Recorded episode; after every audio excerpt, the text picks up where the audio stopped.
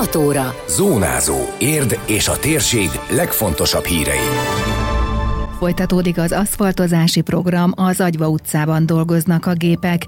Egyre népszerűbb a Kós Technikum. Az iskola nyílt napján mintegy 350-en vettek részt. A lakóknak kell elhárítaniuk a baleset veszélyt, levágni az útra kinyúló növényeket, ágakat. Köszöntöm Önöket, a Zónázó 2022. november 18-ai adását hallják. Ez a Zónázó, az Érdefem 1013 hírmagazinja. A térség legfontosabb hírei Szabó Beátától. Amíg az időjárás engedi, folyik az aszfaltozás. Legutóbb, mint a zónázóban is beszámoltunk róla, a Fraknói, illetve a Drégei utca kapott szilárd burkolatot, a munkák befejeződtek a parkvárosi helyszíneken, a héten pedig már az Agyva utcában dolgoznak a gépek. A tervek szerint jövő héten ott is végeznek az aszfaltozással, nyilatkozta a rádiónknak László Ferenc, az önkormányzat kommunikációs vezetője. A kivitelező cég gépei átmentek az Agyva utcán utcába. Ugye ez az utca, ami vezet ki a Városliget, a Papiföldek irányába, és szintén egy rendkívül sokak által használt útszakasz, rövidesen pedig majd új koporéteget, tehát új aszfaltréteget fog kapni ez az útszakasz is. Reményeink szerint a jövő héten befejeződik ennek az útnak a burkolása. Az időjárás tekintetében kevésbé az eső itt a legfontosabb hátráltató tényező, sokkal inkább a hideg, ugyanis az aszfaltozásnál van egy olyan kritikus hőmérséklet, ami alatt már nem lehet aszfaltozni, vagy nem lehet kiönteni a koporéteget, mert akkor viszonylag hamar tönkre megy, repedezik. Ám egyelőre úgy látjuk, hogy ezt a programot lehet folytatni, tehát még mindig nincs olyan hideg, hogy ennek a frissen kiöntött út a kárát látná.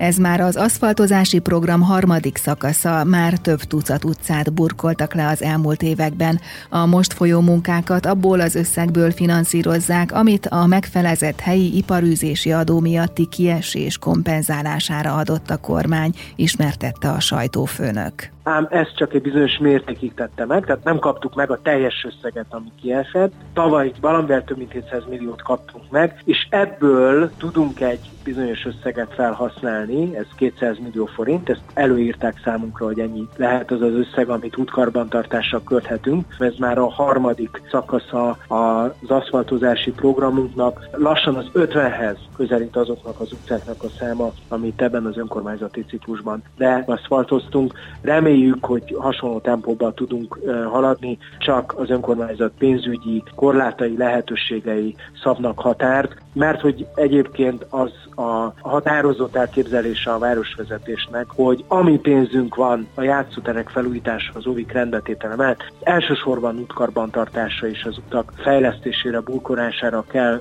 költeni. A témáról még többet olvashatnak az érdmost.hu oldalon. Egyre népszerűbb a Kós Károly Technikum. Az elmúlt években folyamatosan emelkedett a diákok létszáma, már az ezerhez közelít. Erről Dózsa Lajos igazgató beszélt az intézmény nyílt napján. Az eseményen mintegy 350 érdeklődő vett részt. A következő tanévben is 15 szakmát indítanak, négy technikumi képzésben érettségit adó szakmát, köztük szerepel az okleveles közszolgálati technikus képzés, amelyet elsőként indítanak az országban, közölte az intézményvezető. A 11 szakképzőiskolai szakmánk három éves képzést igényel a diákoktól, ebben van vendéglátás, van gépészet, van építőiparral, közlekedéssel kapcsolatos szakma. Gyakorlatilag azt a szakmai kínálatot ismerhetik meg az érdeklődők, ami most már több éve jellemző a Kóskároly Technikumra. Egy folyamatos bővülés figyelhető meg az elmúlt 6-7 év tekintetében. Mind az érdeklődők, tehát a nyílt és a nyitott műhelyek regisztrációja ezt támasztja alá, mint pedig a bejutott tanulók száma. Az elmúlt négy évben 300-zal lett magasabb az iskola létszáma, most értük el azt a mennyiséget, közel ezer tanulónk van, ahol megállt kell parancsolni az iskola bővülésének, de változik folyamatosan az oktatási struktúra némelyik része, ezért ez a 8-900 fő körüli létszám fog azt gondolom hosszú távon működni majd. A nyílt napon az oktatók mellett a diákok is részt vettek az egyes szakmák bemutatásában. A rendészek önvédelmi gyakorlattal készültek, a szakácsok hortobágyi palacsintával és húslevessel, a cukrászok pedig marcipán készítéssel számolt be az érdmost.hu. A festőknél a tapétázás fogásait a 9-es Somogyi Teodolinda mutatta be, akivel, mint mondta, hercegnőként bánnak az osztálytársai, konkrét elképzelése van a jövőre nézve. Nem szeretem nagyon a lányos szakmákat, meg ez megtetszett. Nagyon szeretem ezt a szakmát, a mesterem az nagyon jó, az osztálytársaim is, a fiúk nagyon jól bánnak velem, tényleg mint egy hercegnővel. Szerintem sikerült beilleszkednem. Először is megcsinálom ugye az érettségit, utána hát festőmázló vállalkozást szeretnék indítani. A sláger szakmák továbbra is a jól fizetett szakmák, vagy azok, amelyeket a médiában a különböző kedvcsináló műsorokból megismernek a szülők és a diákok, ismertette a Kós technikum igazgatója. Ez derült ki a regisztrációból is, hiszen kérték, hogy az érdeklődők jelezzék, mely szakmákra kíváncsiak leginkább, de a nyílt nap segít a döntésben. És itt a vendéglátás viszi el a pálmát a három éves képzésben, a technikumi képzés kiegyenlített, tehát ott a kereskedő és webáruházi technikus, a vállalkozások ügyvitelügykezelője, vagy a közszolgálati technikus, gépjárműmehatronikai technikus hasonló érdeklődési körre számíthat. Eltérés talán abban van, hogy a nyílt nap után, meg a szakmaismertető filmek után kezdenek el gondolkodni a családok és a diákok azon, hogy a későbbiekben melyikben találják meg inkább a számításokat. Új információként éri őket az a most már harmadik éve zajló változás, hogy ösztöndíjat kapnak mind a technikumi képzésben, mind a szakmai képzésben az ágazati alapvizsgát megelőzően. Havi 8000 forintot kap egy technikumi 9-es, 10-es, és havi 16 ezer forint körül összeget kap egy 9-es szakképzős. Jövő héten a nyitott műhelyek programot tartják a Kósban, főként a tanműhelyes foglalkozásoké lesz a főszerep, de mivel nagy az érdeklődés, a technikumi képzéseiket is bemutatják. A lakóknak kell elhárítaniuk a balesetveszélyt, vagyis gondoskodni azoknak a növényeknek a visszavágásáról, amelyek megnehezítik a közlekedést. Az önkormányzat közleménye szerint számos panaszt kaptak arról, hogy egyes kereszteződések beláthatatlanok az odaültetett fák, cserjék miatt.